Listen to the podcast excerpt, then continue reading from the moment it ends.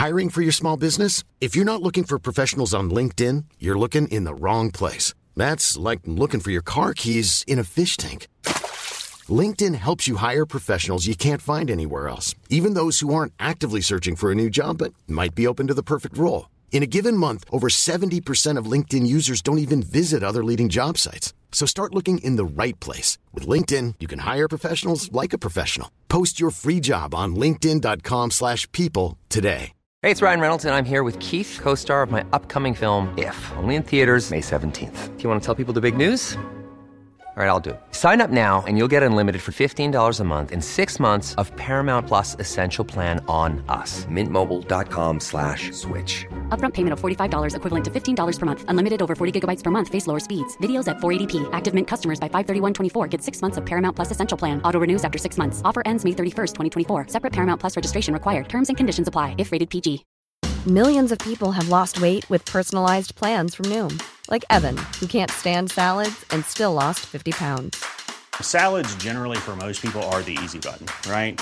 For me, that wasn't an option. I never really was a salad guy. That's just not who I am. But Noom worked for me.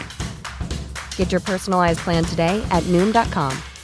Real Noom user compensated to provide their story. In four weeks, the typical Noom user can expect to lose one to two pounds per week. Individual results may vary. Du presenteras nu för obekräftad information. I avsnittet får du höra om konspirationsteorier och varför vissa människor tror på dessa. Var därför kritisk till materialet som bygger på fiktion, åsikter och vinklad fakta. Podcasten kan inte ses som en trovärdig källa. It's an unexplained statistic that's become both rock and roll myth and legend. And as we see crowds of fans come to pay tribute to Amy Winehouse's home here, many are asking if aspiring artists are in danger of glorifying the 27 Club.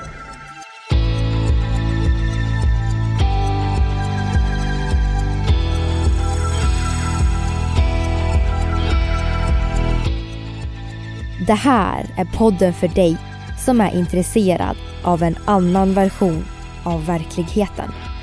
En version som tar upp alternativa teorier, mystiska sammanträffanden och diskussioner om vad som kan vara sant. Mitt namn är Vivi. Och mitt namn är Aida. Och det här är konspirationsteorier. Hej allihopa och välkomna till dagens avsnitt om 27-årsklubben. Mitt namn är Vivi. Och mitt namn är Aida. Och det är vi som driver den här podden Konspirationsteorier. Innan vi börjar prata om dagens ämne så kan vi passa på att berätta redan nu att det här kommer vara ett tungt avsnitt. Vi kommer bland annat att prata om död, självmord och mycket skadligt alkohol och drogmissbruk. Så att vi vill passa på att rekommendera våra känsliga lyssnare att stänga av det här avsnittet om ni upplever att det blir för tungt och för jobbigt. Och om det finns någon av våra lyssnare som lever med ett alkohol eller drogmissbruk eller någon som har några tankar på självmord eller självskadebeteende så vill vi också säga att det finns hjälp att vända sig till. På exempelvis mind.se så kan man hitta olika organisationer som kan hjälpa till med olika saker. Och vi vill också säga det att vi hoppas inte att detta avsnitt upplevs respektlöst. Det är inte alls vår tanke med att göra det här avsnittet. Utan det vi tänker är att vi vill, ja, men vi vill prata om det här ämnet och vi vill även ta upp de konspirationsteorier som finns kring detta. Så för er känsliga lyssnare så är det bara att stänga av och hoppa till nästa avsnitt. 27-årsklubben är ju känt som klubben där ingen överlever. Man kan ju då ställa sig frågan, vad är 27-årsklubben? Vad är det som Brian Jones, Jimi Hendrix, Janis Joplin och Jim Morrison faktiskt har gemensamt? Förutom då att de alla var enastående rocklegender som gjorde ett enormt avtryck inom musikindustrin så finns det något annat som faktiskt binder dem samman. De här personerna arbetade då väldigt hårt och tyvärr så dog de väldigt unga. Bara 27 år gamla. Det finns ju nämligen så att för er lyssnare som vet så finns det en klubb för medlemmar som faktiskt aldrig har träffats eller kommer att träffas. Man önskar ju då att den inte finns, men trots det så växer den sig större och större. Det enda som behövs för att bli medlem i den här klubben är ju då den ålder man då dör i. Det tragiska är ju att det finns ett stort antal musiker, skådespelare och artister som faktiskt har lämnat världen som 27-åringar. Och då har många människor ställt sig frågan vad det kan bero på. Handlar det om en förbannelse? Eller är det bara ett sammanträffande? Och det, mina lyssnare, ska vi prata om idag. För idag ska vi diskutera en konspirationsteori om 27-årsklubben. Musikbranschens mest mytomspunna fenomen. Och det är helt enkelt klubben som ingen överlever. Vi tänker att vi börjar det här avsnittet med bluesmusikern Robert Johnson. Det sägs då att han var den första medlemmen i klubben. Robert Johnson är känd som en av de mest betydelsefulla bluessångare som någonsin levt. Få musiker har haft en så stor betydelse för rocken som han har haft. Men ändå så vet vi inte speciellt mycket om hans liv. Det var ju så att när Johnson tog fram sitt munspel så var han helt okej. Okay. Han var en lokal talang från landsbygdens Mississippi som försörjde sig genom att sitta och spela i olika gatuhörn och på olika barer. Men på gitarr så var han ganska usel. När han en kväll plockade upp en gitarr på en bar så blev publiken inte nöjda. De bad istället klubbägarna att be den här unge pojken lägga undan instrumentet innan de skulle bli tokiga. Och sen så blev han då utkastad från baren. Men det fanns ju en dröm, en stor önskan att bli bluesmusiker. Så i november 1936 bestämde sig Robert Johnson för att testa att spela in några låtar. I en liten provisorisk studio på Gunters Hotel i San Antonio i Texas så gjorde han då 13 inspelningar. Han besökte hotellet två gånger till och sju månader senare så åkte han till en studio i Dallas. Men de här inspelningarna gav ingen direkt framgång och kort därefter så försvann han.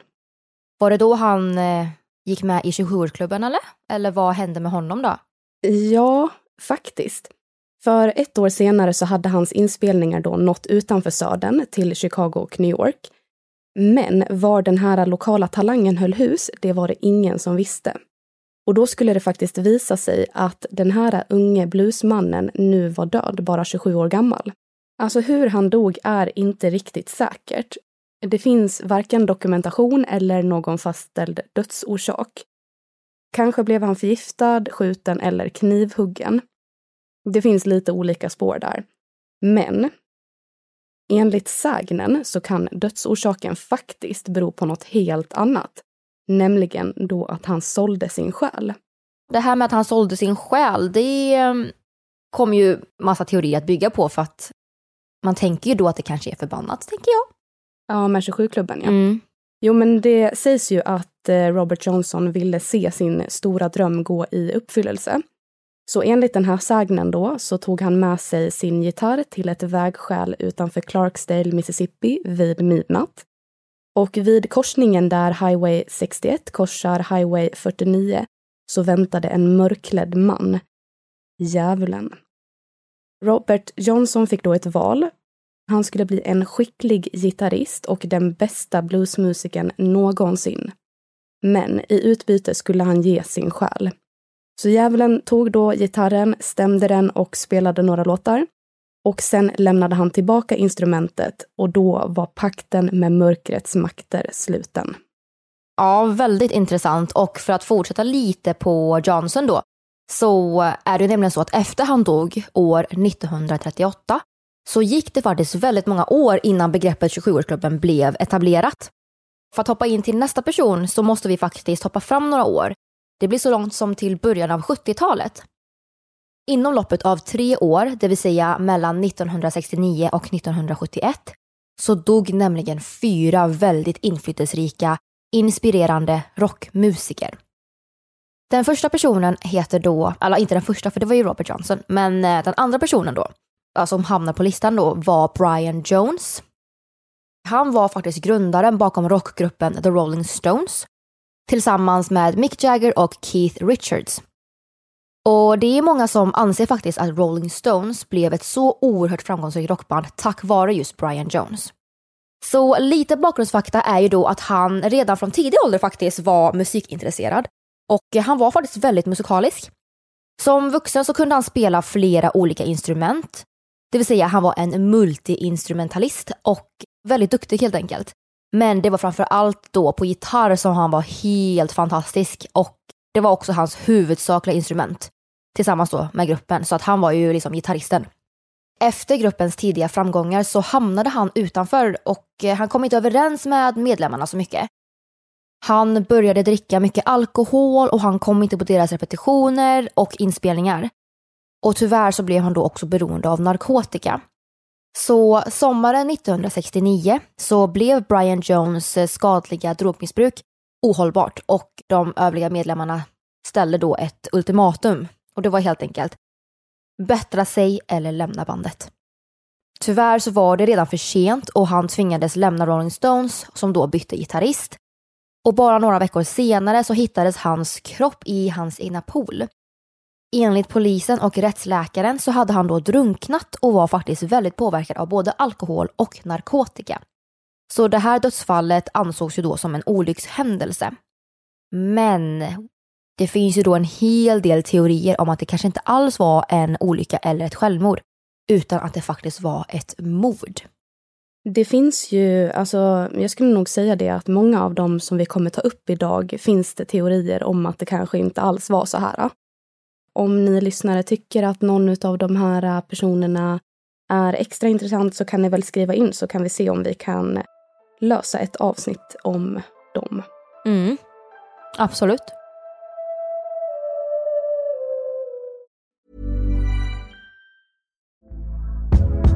Hey there, it's Michelle Norris. I'm host of a podcast called Your Mama's Kitchen. When I travel, I'm usually looking for a way to find a taste of home when I'm not at home. And one of the things I love to do when I am at home is entertain. And Airbnb allows me to do that. When I was in California recently, I rented a house that had a great kitchen. And when we were sitting around the table, we we're all thinking, we're in someone else's house. Someone could be in all of our homes as well.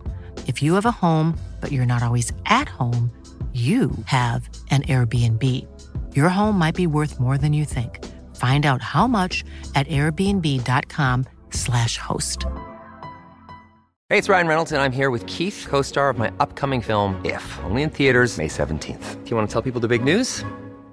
All right, I'll do it. Sign up now and you'll get unlimited for $15 a month in six months of Paramount Plus Essential Plan on us. Mintmobile.com slash switch. Upfront payment of $45 equivalent to $15 per month. Unlimited over 40 gigabytes per month. Face lower speeds. Videos at 480p. Active Mint customers by 531.24 get six months of Paramount Plus Essential Plan. Auto renews after six months. Offer ends May 31st, 2024. Separate Paramount Plus registration required. Terms and conditions apply if rated PG. Millions of people have lost weight with personalized plans from Noom. Like Evan, who can't stand salads and still lost 50 pounds. Salads, generally, for most people, are the easy button, right? For me, that wasn't an option. I never really was a salad guy. That's just not who I am. But Noom worked for me. Get your personalized plan today at Noom.com. Real Noom user compensated to provide their story. In four weeks, the typical Noom user can expect to lose one to two pounds per week. Individual results may vary.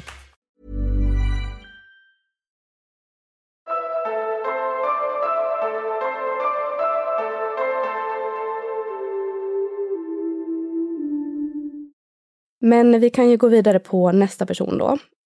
Och det var då Jimi Hendrix som var näst på tur i 27-klubben. Och han dog i september 1970. Och för er som inte vet vem han var så var han en otroligt skicklig gitarrist som revolutionerade rockscenen. Så han har lämnat efter sig ett enormt inflytande över rockmusiken och flera musiktidningar har liksom nämnt ut honom, eller han har blivit utnämnd till den bästa gitarristen genom tiderna. Och likt flera av de som vi kommer prata om idag så tog han också mängder av droger. Så den 18 september 1970 så hittades han död på ett hotell i London då han hade kvävts till döds av sina spyor. Mm. Så nu har vi ändå bara pratat om tre personer. Men eh, man undrar ju ifall 27-årsklubben är förbannat. Ja, jo men det låter lite som det. Mm. Men eh, Det finns ju teorier om det som vi kommer att prata om, men eh, vi ska prata om lite fler personer först. Så samma år, alltså bara några veckor efter Jimi Hendrix död, så förlorade världen ytterligare en artist. Och det var nämligen rock, blues och soul-sångaren Janis Joplin. Som 20-åring så började hon då arbeta med musik och tog uppdrag som sångerska. Och vid samma tidpunkt så började även hon använda narkotika. Det var vid 1967 som hon slog igenom på Monterey Pop Festival och några år senare så var hon även huvudnumret på Woodstockfestivalen, vilket alltså, skulle jag ändå säga är väldigt, väldigt stort. Men eh, det som var tragiskt då var att hon alltid befann sig i ett drogat tillstånd. Eller ja, inte alltid, hon befann sig väldigt ofta i det. Och eh, den 4 oktober så dök hon helt enkelt inte upp på en inspelning. Det tyckte då hennes manager var konstigt så hennes manager besökte då hotellet som hon bodde på i Hollywood och hittade henne då död på golvet. Det har bekräftats att hon dog av en heroinöverdos eftersom att hon hade helt enkelt fått i sig för starkt heroin av sin langare. Flera andra som då köpte från samma person hade faktiskt också dött vid samma tidpunkt, vilket är jättetragiskt. Grejen är ju så här att Janis Joplin blev faktiskt inte en ikon förrän efter sin död. Hennes debutalbum Pearl släpptes då postumt efter hennes död som då direkt toppade Billboardslistan. Mm. Alltså väldigt tråkigt att hon inte fick vara med och uppleva det. Mm, verkligen. Och då kan man fortfarande ställa sig frågan som många alltså, teoretiker tänker och det är så här, hur kommer det sig att de här framgångsrika personerna går bort i just den här åldern? Mm. Hon blev ju ändå framgångsrik, alltså efter sin död. Så kan det vara en eh, liknande grej som eh, med Robert Johnson då, att vem vet att eh, djävulen hjälpte henne att bli framgångsrik? Ja, jo, precis. Det är ju väldigt lika, liknande fall där. Mm. Nästa person i alla fall att ansluta sig till 27-klubben, i alla fall av dem vi kommer ta upp idag, var Doors-sångaren Jim Morrison. Och The Doors fick sitt stora genombrott med låten Light My Fire. För er som inte vet riktigt vem Jim Morrison var, så var han väldigt kontroversiell för sin tid. Han hade en sexuell utstrålning som var väldigt ovanlig. Men han skrev i alla fall poesi och dikter. Han har också gett ut två böcker som heter The Lords och The New Creatures. Men han hade tyvärr väldigt stora problem med alkohol och hittade inte riktigt någon balans i livet. Så det var liksom alkoholen som var själva inspirationen till att stå på scen för honom då. Så det var först när han blev så pass full att han tappade kontrollen och alkoholen tog över kroppen då som han blev inspirerad till att skriva ner sina idéer. Men bandet tröttnade när han låg runt och blottade sig och när han drack ofantligt mycket alkohol och inte kunde uppträda då på deras spelningar. Så trummisen sa att det är nog, vi kommer inte stå på scen mer, vi kommer inte turnera något mer. När Morrison då inte hade sjungit någonting alls på en, eh, vad säger man, på ett upp, under ett uppträdande. Och han hade då tagit ett mixtativ och slagit sönder scenen. Så bandet fanns kvar efter det här, men de gjorde inga fler uppträdanden. Nej, det är ju väldigt förståeligt. Det är ju ett väldigt aggressivt beteende och det skadar ju deras eh, band och deras eh, image. Mm, precis. Och det gick ju liksom ut över eh, de andra bandmedlemmarna. Och jag tror heller inte det är så roligt för deras fans att uppleva det. De har liksom betalat pengar för att se ja, men en konsert och det de får är att sångaren slår sönder scenen. Ja. Eller inte sjunger alls. Ja, nej, det är inte, så ska det inte vara. Han hade i alla fall en hyreslägenhet i Paris och det var dit han flydde när han inte ville vara en rockstjärna. Så i juli, samma år han dog då, så var han och flickvännen Pamela Corson där. Så dagen när han dog så var de och träffade Jims kompis och sen så åkte de hem till lägenheten och då så var han då så pass full då så att han ramlade i trappen. Och även fast han hostade blod och inte alls mådde bra så gick de ut och tog en öl efter det här. Efter det kom de hem till lägenheten och sen så gick Jim och Pamela faktiskt på bio.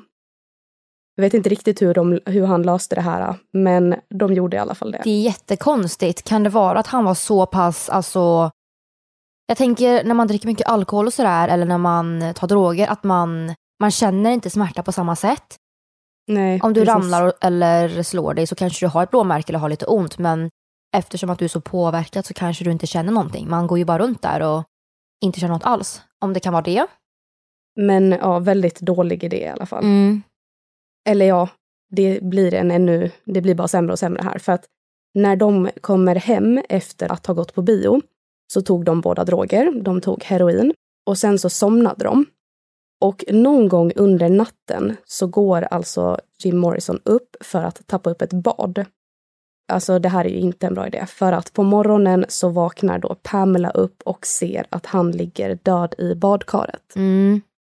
Enligt den dödsattesten som gjordes, eller som togs fram, så hade han dött i en hjärtattack, troligtvis då efter en överdos. Däremot så genomförde man inte någon obduktion för att i Frankrike så gjordes det här enbart om det fanns en misstanke om mord. Enligt Google i alla fall. Man ansåg här att dödsorsaken var uppenbar. Men som vi har sagt tidigare, det ska tilläggas att det såklart finns väldigt mycket teorier, det finns mycket osäkerheter och konspirationsteorier om detta. Det här med att han tappade upp ett bad och var berusad eller påverkad så. Det är ju en väldigt, väldigt dålig idé. Om du bara är trött och ska ta i bad, det är inte heller bra. För alltså somnar du, ja. Mm, det är ju jättefarligt. Mm. Visst att allt det här är farligt, men måste du så duscha i så fall. Mm. Men inte liksom, inte med vattnet. Men eh, vi kan faktiskt fortsätta där med nästa person för att tre år senare, den 25 april 1974, så dog Pamela Corson också av en heroinöverdos. Så hon är faktiskt också en del av 27-klubben.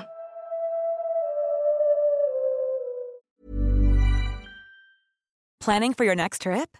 Elevate your travel style with Quince. Quince has all the jet setting essentials you'll want for your next getaway, like European linen, premium luggage options, buttery soft Italian leather bags, and so much more. And is all priced at 50 to 80% less than similar brands. Plus, Quince only works with factories that use safe and ethical manufacturing practices. Pack your bags with high-quality essentials you'll be wearing for vacations to come with Quince. Go to quince.com slash pack for free shipping and 365-day returns.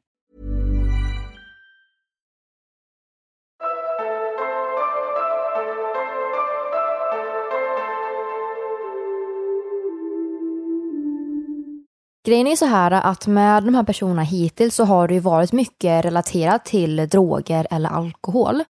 Vilket är jättetragiskt för att det är så här, äh, ja men äh, många utav de här vet vi ju inte riktigt så himla mycket om. Det kan ju vara en grej att det kanske var för mycket press på dem, att de behövde slappna av med alkohol eller alla har väl sina anledningar till att kanske gå mot de medlen. Men äh, väldigt sorgligt för att det är tråkigt att vi, inte bara för vår skull men för deras egna skull, att de inte lyckades leva ut sina liv.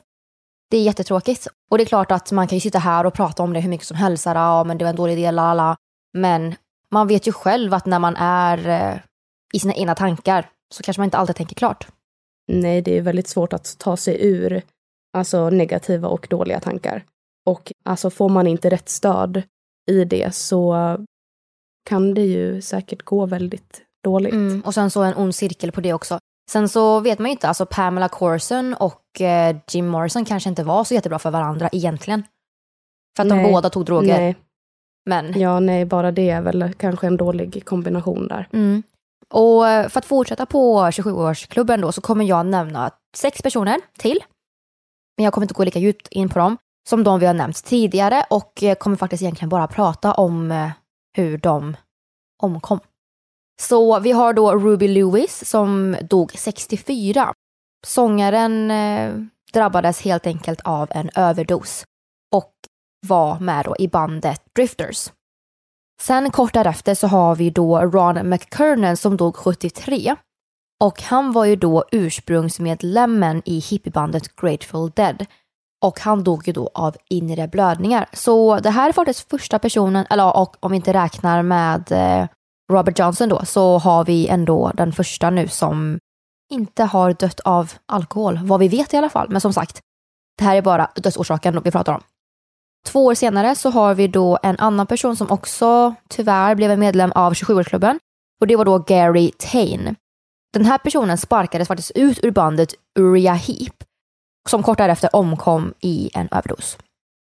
Samma år så dog medlemmen i gruppen Badfinger, Pete Ham, och han hade då begått självmord. Det året så har vi ändå tre personer som dog eh, alltså inom loppet av ett år, för vi har också Chris Bell.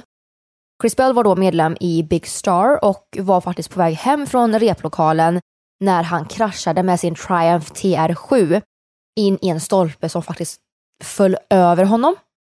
Sen efter det så får vi ändå en liten paus och 89 så dog då Pete de Freitas. Pete frontalkrockade då på sin motorcykel med en bil på motorvägen utanför London. Pete var då trummis i Echo and Bunnymen. Så som ni hör så blir ju listan bara längre och längre och längre. Det var i alla fall först vid 1994 som själva begreppet 27-klubben på riktigt blev etablerat i media. För den 5 april 1994 så begick Nirvanas sångare Kurt Cobain självmord i sitt hem. Så Kurt Cobain och Chris Novoselic slog igenom i början av 90-talet med bandet Nirvana. Men Kurt hade tampats mycket med ångest under sin uppväxt och musiken blev liksom ett sätt för honom att kunna uttrycka sina känslor och få ro. Bandets framgångar gjorde däremot inte att hans ångest minskade och han levde med ett skadligt missbruk med alkohol och droger. När man hittade kroppen så fann man även ett självmordsbrev där han hade skrivit att han inte fann någon glädje i musiken. Han var less och punken, scenen och uppträdandena, de gjorde inte samma sak längre. Och han hade då skjutit sig själv med ett hagelgevär och hittades av en elektriker som var på hembesök. Och han hade också tagit stora mängder heroin. Dagen efter Kurt Cobains kropp hittades så besökte en reporter Nirvana-sångarens mamma, Wendy O'Connor. Då så sa hon “Now he's gone and he joined that stupid club. I told him not to join that stupid club”. Det här citatet publicerades över hela världen och det var först då som själva mytbildningen kring 27-klubben fick sitt fäste. Någonting som har koppling till detta är Kristen Pfaffs död. Hon dog 1994. Och hon var medlem i bandet Hole som leddes av Kurt Cobains flickvän Courtney Love. Hon dog då av en överdos, om jag inte sa det. Det är ändå rätt fascinerande att det tog så pass lång tid innan 27-årsklubben blev en grej. När det började redan med Robert Johnson, alltså 1938. Mm. Men jag tänker att så här, äh, om man tänker lite så här hur många händelser det behövs för att det ska gå från att vara en slump till ett samband. Så här, visst, det var några, alltså det var ju några innan som hade dött. Eller några, det var många innan. Men det blev ju mer en grej typ när alltså Jim Morrison, Janis Joplin, Jimi Hendrix och de dog. Så att jag tänker också att det kanske ligger lite i det. Till att det har tagit så lång tid för begreppet att liksom etableras. Mm. Ett år senare, det vill säga 1995, så fick 27-årsklubben en till medlem och det var Richie Edwards som då var medlem i gruppen Manic Street Preachers. Och ja, grejen med Richie då som är väldigt, alltså som är väldigt så mystiskt, är faktiskt att Richie försvann spårlöst strax innan en turné och sågs aldrig igen sen. Hans kropp har fortfarande inte hittats och han eh, dödsförklarades och man antog då att Richie hade faktiskt tagit sitt egna liv när han var 27. Ja, men vad intressant det här med att eh, han försvann spårlöst. För jag tänker att han skulle kunna vara vid liv. Mm. Det skulle kunna vara ett fall som med Elvis, att han kanske fejkade sin död. För det är ju en väldigt stor teori om Elvis, vilket man inte har kunnat bekräfta riktigt kanske. Men eh, det finns ju teorier. Och grejen med då Richie, eller Richie Edwards då, var ju då att han dödsförklarades, alltså legalt, i november 2008. Så det var ändå ett tag efter som eh, de gjorde det. Förklaringen var ju då att han faktiskt hade tagit sitt egna liv. Men eftersom att man inte har någon kropp så kan man inte bevisa att han gjorde det. Sen har vi ju då den sista personen som vi tänker prata om idag och det är då Amy Winehouse. Hon eh, var bara 16 år gammal när hon faktiskt slog igenom och hon var faktiskt inte som vilken artist som helst utan hon var helt förtrollande. Hon hade en stark och mogen röst och många trodde att hon faktiskt skulle ha en lång och mycket framgångsrik karriär. Men vi alla vet ju idag att det inte blev så. För Amy tampades med, också hon då, ett alkohol och drogmissbruk under många år. Och den 23 juli 2011 så hittades hon död i sitt hem i London. Hennes livvakt märkte då att hon inte andades och ringde efter ambulans som då faktiskt kunde bekräfta att hon hade gått bort.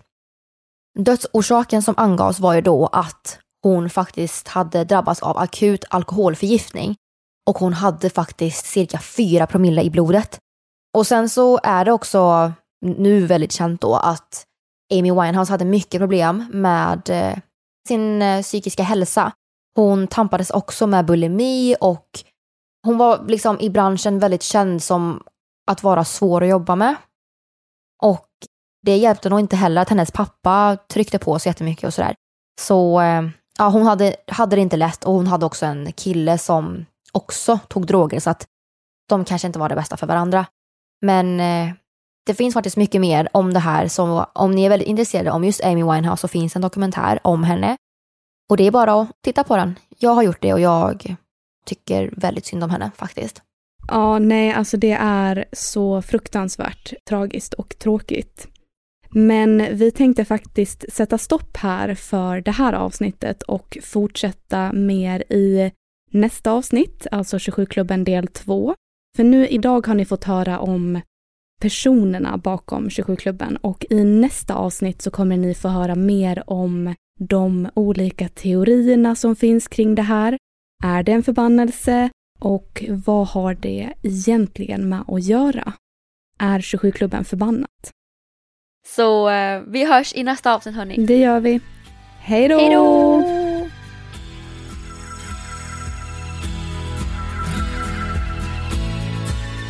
Du har lyssnat på 27-klubben. Avsnittet gjordes våren 2022.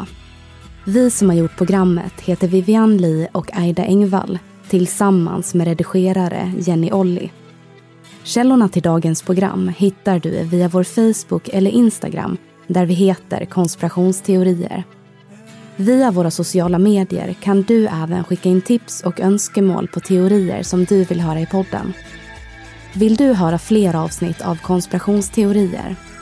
Besök din poddapp och lyssna på avsnitt som Vem sköt The Notorious B.I.G. Eight years, three months and 29 days.